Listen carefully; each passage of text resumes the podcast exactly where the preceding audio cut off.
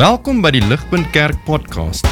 As Ligpunt Gemeente is dit ons begeerte om God te verheerlik deur disippels te wees wat disippels maak en 'n kerk te wees wat kerke plant. Geniet hierdie week se preek.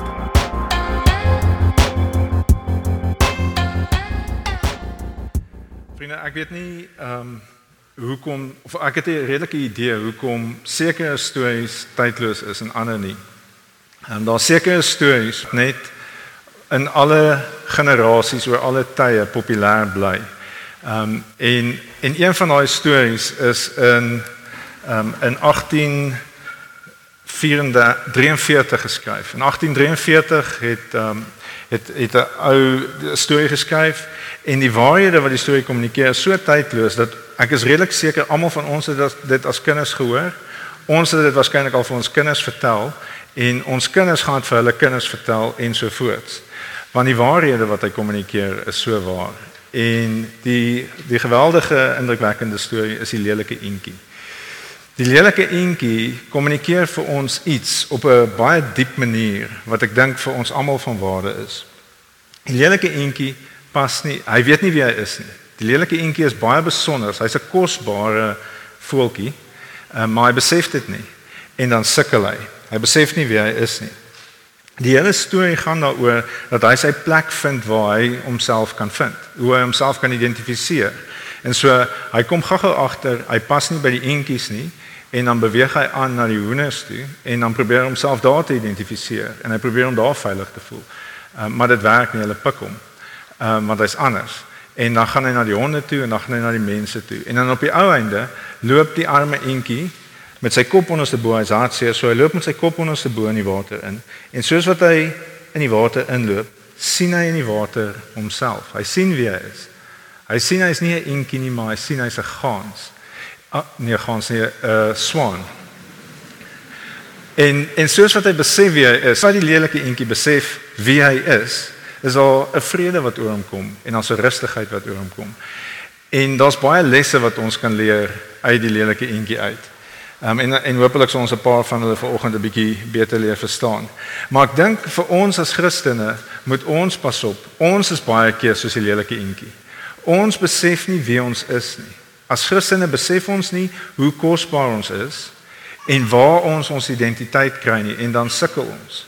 Baie keer gaan ons as Christene en ons gaan soek op die verkeerde plek ons identiteit omdat ons vergeet wie ons is of omdat ons nie onthou wie ons is nie.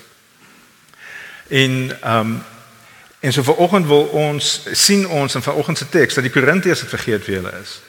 En daarom lei dit tot geweldige nadelige gevolge in hulle gemeenskap. Nou ons het ons het verlede week begin met die reeks en verlede week het ons die reeks um, in in 1 Korintiërs het ons gesien die titel is nuwe mense, nuwe lense. Ehm um, maar ons sien in vandag se teks dat die Korintiërs sien nog nie heeltemal die lewe volkome deur die nuwe lense nie. Hulle hulle het nog so 'n bietjie van die ou lens op. Hulle het een lens van die evangelie op en een lens ehm um, van die van die ou lewe. Ehm um, maar wat ons verlede week gesien het is dat, dat Paulus is baie bemoedigend vir die gemeente. Hy sê vir hulle in vers 2, ehm um, ons is nou ongelukkig nie op nie, maar as jy jou Bybel by jou het, Um, in vers 2 hoofstuk 1 vers 2 sê hy vir hulle hulle is geheilig in Christus. En hy sê vir hulle in die res van die groet dat hulle staan stewig in in Jesus. Hulle is verryk in woord en kennis. En hy sê vir hulle hulle skiet nie kort aan enige genadegawes nie. Dit is 'n geweldige bemoedigende groet wat hy vir hulle gee vir 'n gemeente wat regtig nie so goed doen nie. Um, en en ek moet eerlik wees, verlede week se preek en soos wat ek na die teks kyk, vind ek dit geweldig bemoedigend dat Paulus so opgewonde en so seker kan wees oor 'n groep mense wat so sukkel.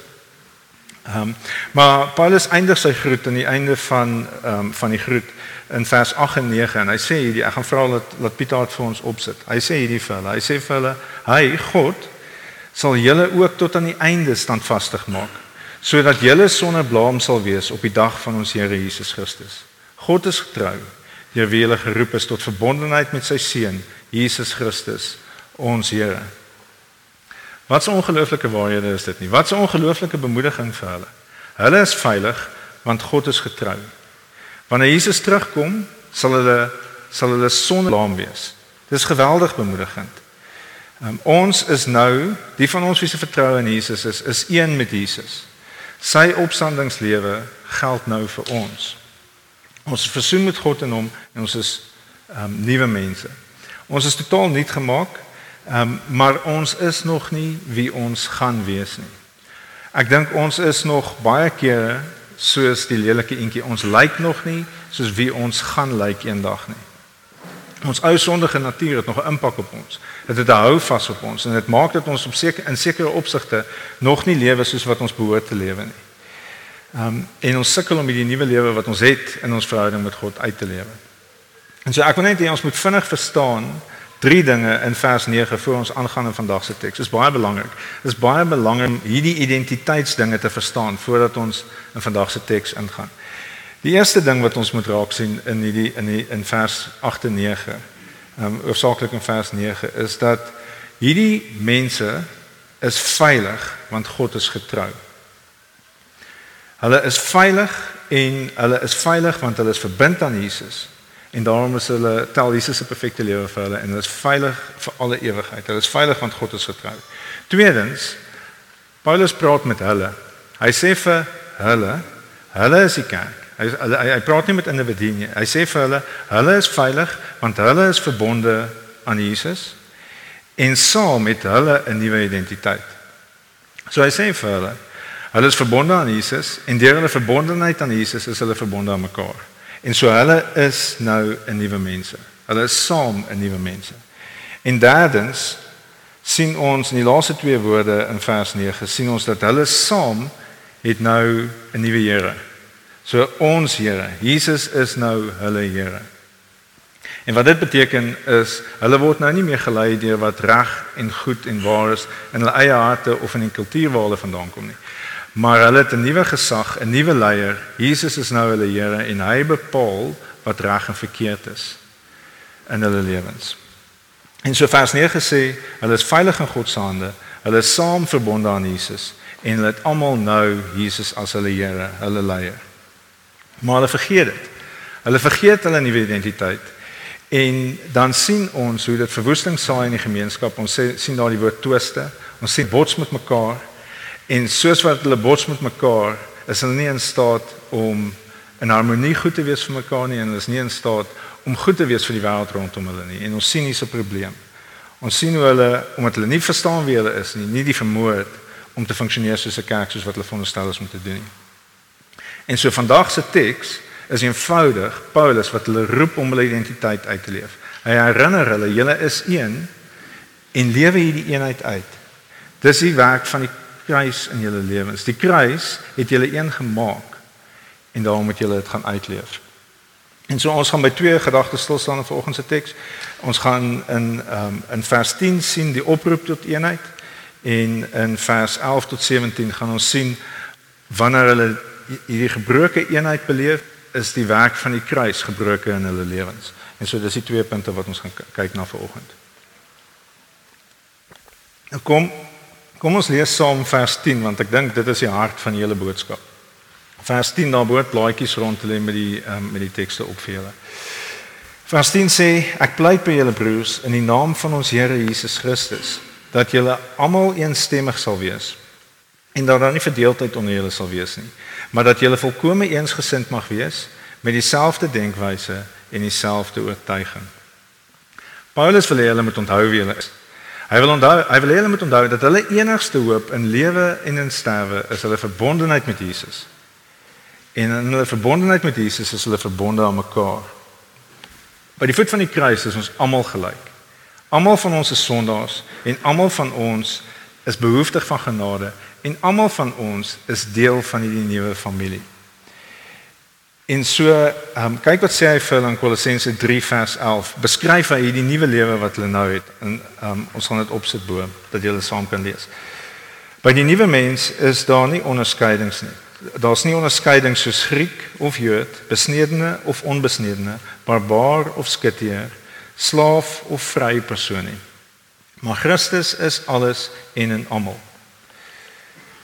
So vir beide vir, vir beide van ons wat voel asof ons 'n klein bietjie belangriker is as die mense rondom ons of vir die van ons wat voel dat ons 'n klein bietjie minderwaardig is as die mense rondom ons in die kerk.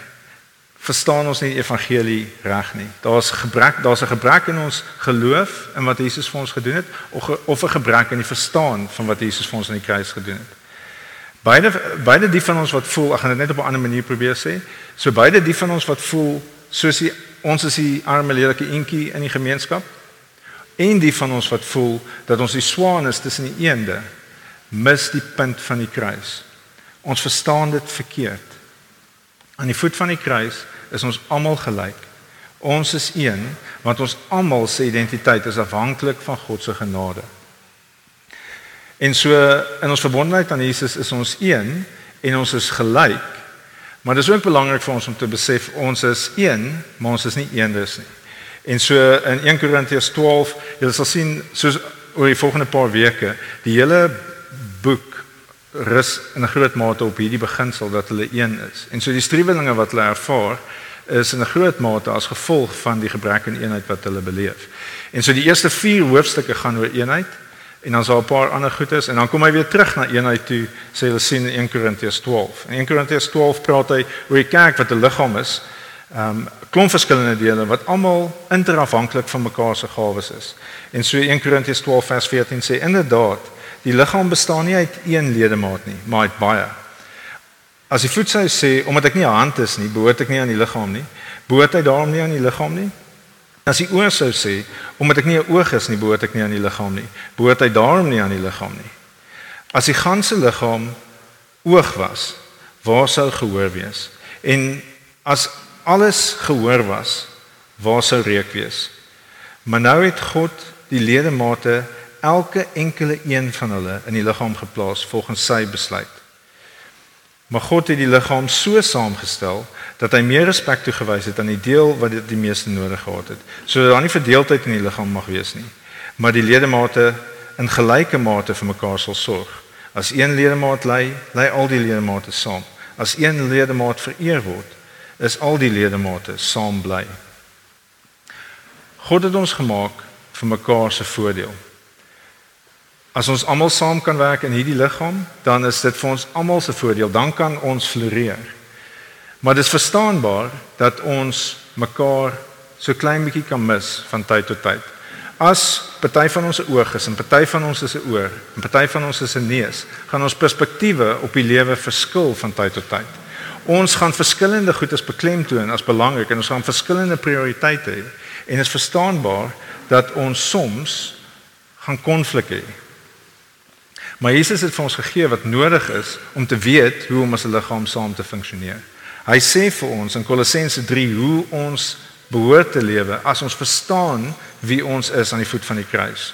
Kolossense 3 sê daarom omdat julle God se uitverkore heiliges en geliefdes is, bekleë julle met innige meelewing, goedheid, nederigheid, sagmoedigheid en geduld. Verdra mekaar. En as enige iemand 'n klagte teen iemand anders het, vergewe mekaar Soos die Here julle vergewe het, so moet julle mekaar ook vergewe. Maar bekleë julle bo en behalwe al hierdie dinge, liefde wat die band is wat alles volmaak saambind.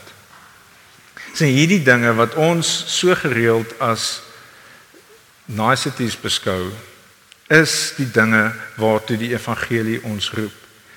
Dit is wanneer ons mekaar sien as kosbaar in mekaar in God se oë, wanneer ons mekaar sien as waardig dat ons hierdie goedes as baie meer belangrik begin beskou. Sien hierdie hierdie dinge het ons werklik God se hulp mee nodig. Dit kom op die beste van tye nie vir ons natuurlik nie. Ek is baie oortuig daarvan. Geduld is een van die moeilikste goedes. Geduld is een van daai goedes wat ons moet werklik bewus wees daarvan dat dit vir God belangrik is vir my om geduldig te wees oor hierdie ding. Ehm um, geduld is in in ons gejaagde uh, samelewing in Pretoria is net nie een van daai goedes wat ons hoog op die prys stel nie. En dit kom vir meeste van ons nie natuurlik nie. Dinge soos innige medelewing en sagmoedigheid is nie dinge wat ons in hierdie stad help om voor te kom nie. Dis nie die tipe van goedes wat jy dink in op 'n op 'n CV moet wees vir iemand om voor te kom en vir jou besigheid te gaan wins maak nie. En so dit is net nie goedes wat uh, wat wat ons hoog op die prys stel in ons kultuur baie keer nie. Ehm um, die koste van verdraagsaamheid en vergewensgesindheid is baie keer vir ons te hoog om bereid te wees om dit te doen. Maar God is ons genadig. sien hierdie is goed is wat God ons mee help. God is ons genadig en hy is ons as kerk genadig wat hierdie goed is aanbetref.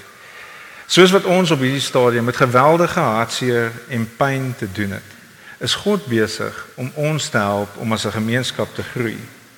Ons kultuur jaag ons aan, maar God hou ons vas.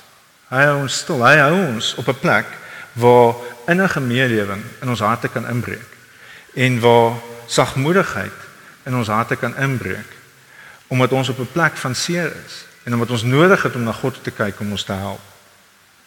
God help ons. God leer ons hoe om verdraagsaam te wees en God leer ons en hy sal ons leer en hy sal ons beter maak. Hy sal ons help om beter te wees om te vergewe. 'n Swaar kry neem 'n mens deur 'n reeks van emosies. Dit is 'n geweldige reeks van emosies. Ek weet nie wat by jou opkom nie, by my is daar angstigheid, vrees, woede, hartseer, verwarring. Al ons gaan deur 'n hele reeks van emosies soos wat ons deur swaar kry gaan. Maar op die einde van die dag is God goed vir ons en God gebruik al hierdie dinge om ons op die ou einde meer volwasse te maak as gelowiges.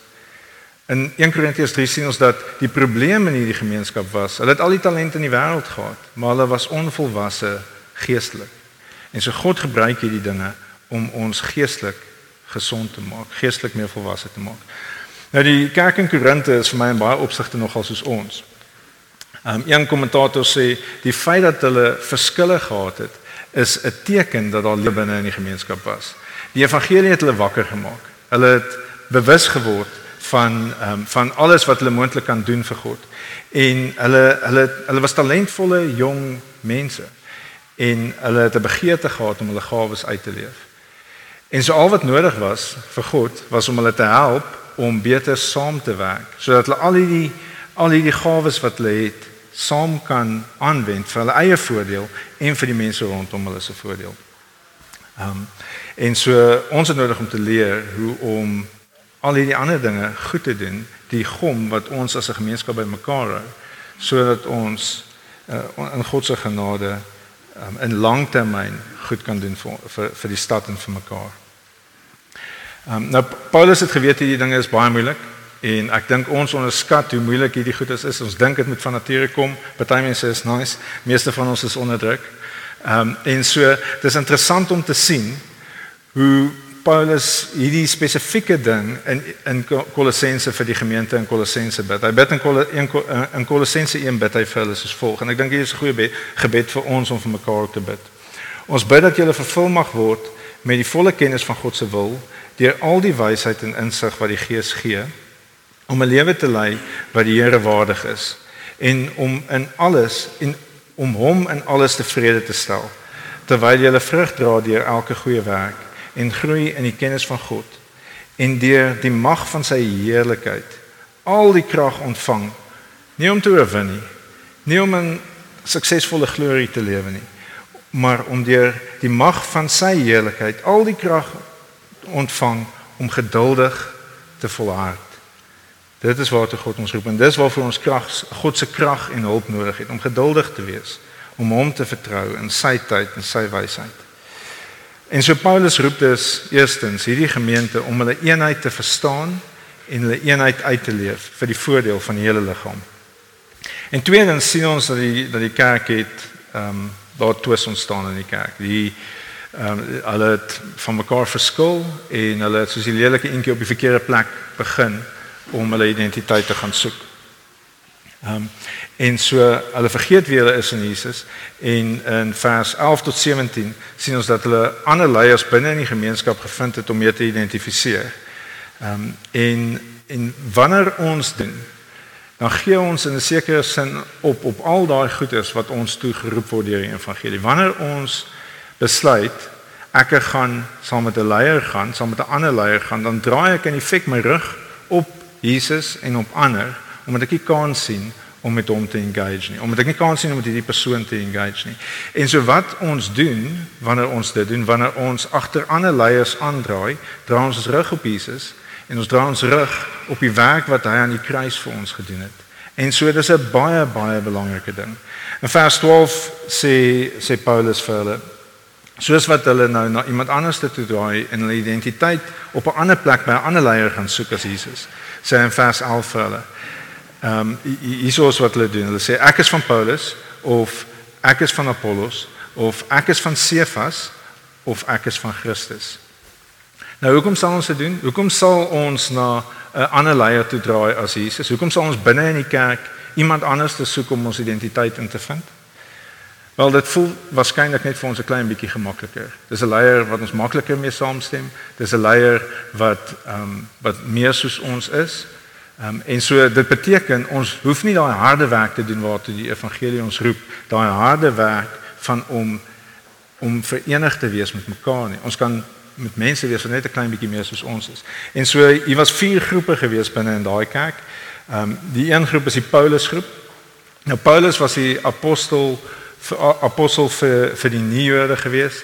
Hy was uit 'n klomp kerke geplant. Hy was 'n invloedryke man, maar hy was nie baie indrukwekkend nie. Um, hy sê self dat hy was nie hy was nie iemand wat in wêreldse terme baie indrukwekkende ou was nie. En so mense kan baie maklik verstaan hoe iemand wat wat nie heeltemal tuis gevoel het tussen al die Jode nie en wat nie heeltemal so indrukwekkend was soos wat hy gedink het die mense rondom hom was baie maklik sou sê ek is vir Paulus en en in die proses jou rug draai op ander wat 'n bietjie anderster as jy is. Nou Paulus was die teenoorgestelde van Paulus. Ehm um, in in 'n sekere sin. Hy was 'n baie indrukwekkende ou. Hy was iemand wat wanneer hy gepraat het kon hy kers vashou met die beste filosowe van sy tyd. En so hy was 'n baie suksesvolle ou um, in daai opsig en so dis maklik om te sien hoe ouens wat wat graag ook 'n bietjie meer status wil hê na hom toe sou draai en sê so ek is ek is Apollos ou ek is nie ek hoef myself nie te assosieer met die redelike eenvoudige Paulus ou nie. Um, en dan is daar natuurlik Cephas wat ehm um, wat ons ons dalk mag weet is Petrus. Petrus is die ou ehm um, hy's ouer. Hy's 'n disipel van Jesus gewees. Hy het lank saam met Jesus gewees. Hy is die apostel vir die apostel vir die vir die Jode. Ehm um, en hy weet ons uit ander ehm um, uit ander uit Galasiërs en so voort dat hy hy het 'n geneigtheid gehad om sy Joodse kultuur so klein bietjie weer te onthou en weer bietjie bietjie na toe terug te gaan asof dit beter is as die ander kulture. Ehm um, en so is baie maklik en is 'n meer konservatiewe ou van aard gewees. En so is baie maklik om te sien hoe, hoe die mense binne in die kerk met hom sou identifiseer. Ouer mense wat nie hou van verandering nie, wat ehm um, wat dalk ook hou van hulle Joodse gebruike en eintlik sou wil sien hoe hulle dit 'n bietjie meer binne in die kerk moes doen. So sê ek is 'n ek is 'n Petrus ou. Ehm um, maar maar sien julle wat is die effek van om te draai na 'n spesifieke leier toe? Jy draai jou rug op die werk van die kruis. Die laaste die laaste groepering binne in die kerk is die Christusgroepering. En so hulle sê ek is vir Christus. En so dis 'n dis 'n groep wat nie wat wat waarskynlik nie iewerster perfek ingepas het nie, maar hulle wou ook beter oor hulle self voel in 'n sekere sin en sodat hulle gesê ons is nie al die ander goed as nie, ons is vir Christus. So ons is ook 'n klein bietjie verhewe bo die ander groeperinge. So dit is nog steeds 'n groepering. Dit is nog steeds om te vergeet wat die kruis in hulle lewens gedoen het. Um, en so al vier van hierdie groeperings wat agter leiers aangegaan het, het die werk van die kruis vergeet. Hulle het vergeet dat hulle by die voet van die kruis gelyk is. En hulle het vergeet dat hulle ehm um, dat hulle verenig is by die voet van die kruis. Ehm um, en so dan dit ondermyn die werk van die kruis in hulle lewens. En so vers 13 sien ons dat dit dit maak nie teologies sin nie. Kyk wat Paulus vir hulle. Hy sê vir hulle is Christus verdeel Paulus of enige ander leier tog nie is tog nie vir julle gekruisig nie. En of julle dan saam um, of is julle dan in die naam van Paulus gedoop of enige ander leier, Petrus of enige ander leier. Sien dit maak nie sin om agter een of ander leier aan te gaan as dit skade doen aan julle eenheid binne in die kerk nie. Jesus is nie verdeel nie. Geen leier kan ons red nie en geen leier mag ons verdeel nie. Ehm um, God het ons geroep, hy het ons uit ons uit ons naam toe geroep, hy het ons versoen deur Jesus met homself en en in die proses het hy ons met mekaar versien. Versoen. Ehm um, nou dit maak nie saak op grond waarvan ons 'n leier verkies nie of of of met 'n spesifieke leier wil volg nie. Of dit nou is, dit lyk asof in daai in daai gemeente het hulle gesê okay, ek is gedoop deur daai persoon en so daar's 'n mate van identiteit wat daar gevind is en so hulle het 'n hulle hulle die punt van die doop in 'n groot mate gemis. Um, en of dit nou op grond van die leiers se se se gawes is en of dit op grond van die leiers se ehm um, se teologiese inklinasies is wat hulle wat hulle na die wat hulle wat hulle gevolg het nie. Um, om so na die wêreld te kyk is om die wêreldse wysheid na na na die wêreld te kyk. En in vers 17 sien ons um, om dit is om die krag van die kruis te breek in hulle lewens. En so vers 17 sê Christus het my immers nie gestuur om te doop nie, maar om die evangelie te verkondig. Nie met wysheid van woorde nie, sodat die kruis van Christus nie van sy krag ontneem word nie.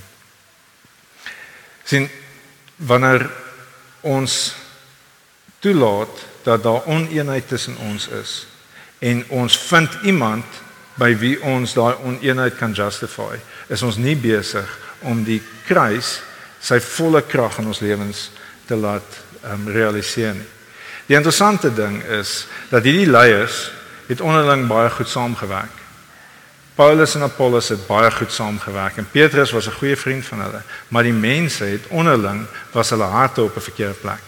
Die mense se harte was nie lus om met mekaar te versoen en met mekaar verdraagsaam te wees en met mekaar geduldig te wees nie. En daarom het hulle leiers gevind wat nader aan hulle is en wat meer soos hulle voel en dit het oneenheid in die kerk geskep en dit is die probleem. So wat is die wat is die implikasies vir ons soos wat ons na vandag se teks kyk en daaroor dink? Wat moet ons leer? Ek dink daar's drie goedes. Eerstens dink ek ons moet baie dankbaar wees. Ons moet dankbaar wees dat ons ver oggend 'n doop kon saam hê tussen mense wat verskillende geloofs-oortuigings het as ons by die doop spesifiek kom. Ons stem saam dat dit die evangelie kommunikeer, maar ons stem nie oor elke detail van die doop saam nie. En is God se genade dat ons saam hier kan wees, dat ons verdraagsaam met mekaar kan wees, dat ons geduldig kan wees, dat ons leer hoe om mekaar te hoor en dat ons moet leer hoe om mekaar na waarde te ag. Ons moet dankbaar wees dat God ons in daai posisie geplaas het. En ons moet dankbaar wees dat hy in hierdie mate oor die laaste 11 jaar ons eenheid beskerm het. En ons moet bid dat hy sal aanhou om ons eenheid te beskerm en ons moet daarvoor veg. So eerstens ons moet dankbaar wees. Tweedens behoort ons versigtig te wees. Ons moet versigtig wees dat ons nie in ons harte of in ons woorde of in ons dade enige iets doen wat ons eenheid bedreig nie. Ons eenheid is nie gegeewe nie.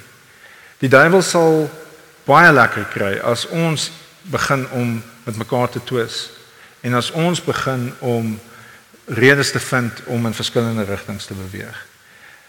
Ons moet baie versigtig wees. Ons moet ons moet onthou wat Jesus vir ons gedoen het toe hy ons saamgebring het binne in een kerk. En ons moet die basiese dinge van die van die evangelie uitleef. Ons moet die basiese basiese van Christendom doen. Ons moet die waarheid in liefde met mekaar aanhou praat. Ons moet aanhou moeite doen om mekaar te probeer hoor. Ons moet aanhou om te probeer om mekaar die voordeel van die twyfel te gee. Ons moet soos Jakobus sê, ons moet vinnig wees om te luister, stadig wees om te praat en baie stadig wees om kwaad te word. Ehm um, en so daar's baie goedes wat wat ons moet doen as 'n gemeenskap om ons eenheid te probeer beskerm. Ons moet ook as kerk dink ek, moet ons ook versigtig wees. God is vir ons baie goed. Ons het geweldig baie om voor dankbaar te wees as 'n kerk, as 'n jong kerk met baie lewe en en baie nuwe klein kindertjies en en baie goeie goedes. Ons het baie om voor dankbaar te wees en ons moet bitter versigtig wees om nie te dink omdat God vir ons goed is, is daar is ons op een of ander manier meer kosbaar as die res van sy bruid. Ons is soos wat ons um, in hierdie liggaam saam funksioneer, is ons ook deel van sy groot bruid. En so ons ons is baie dankbaar vir vir die goeie verhoudings wat ons het met um, kerke binne in die union en ander kerke. Um, ons is baie dankbaar. Maar ek dink ons moet moeite doen om uit te reik en lief te wees vir kerke wat nie heeltemal soos ons is nie. Wat wat ook deel van Jesus se bruid is, maar wat nie heeltemal soos ons is nie. Ons moet moeite doen om hulle te probeer verstaan en om hulle vir hulle te bid en om te wil sien dat hulle met Jesus as hulle koning lewe en om te sien dat hulle goed is vir die wêreld rondom ons. Um, ek dink een van die maniere waarop ons dit kan doen is om die Gauteng Alliance te ondersteun. Is een van die goedes waaraan Toby baie hard werk is om kerke oor Gauteng te kry om te probeer saamwerk om saam te probeer om die evangelie te bevorder en die samelewing te bereik en lief te wees vir eenvoudig um, vir die wêreld rondom ons. En so ons moet versigtig wees en probeer om eenheid tussen ons te beskerm en eenheid tussen kerke te probeer beskerm. En derdens en laastens moet ons onthou wie ons is. Ons moet onthou wie ons is as mense wat onthou die doop as mense wat saam met Jesus wat in Jesus wat jou geloof in Jesus verenig is, met Jesus verenig is, wat vir wie sy perfekte lewe nou tel en wat saam met hom gesterf het en saam met hom opgestaan het en in wie nou die lewe die opstandingslewe lewe. Ons moet onthou wie ons is. Ons moet onthou wie die mense rondom ons is. Hulle is deur God aan ons verenig. Ons is een, maar ons is nie eenes nie. En so ons moet bid dat God ons help om genadig en geduldig met mekaar te wees. Kom ons bid saam.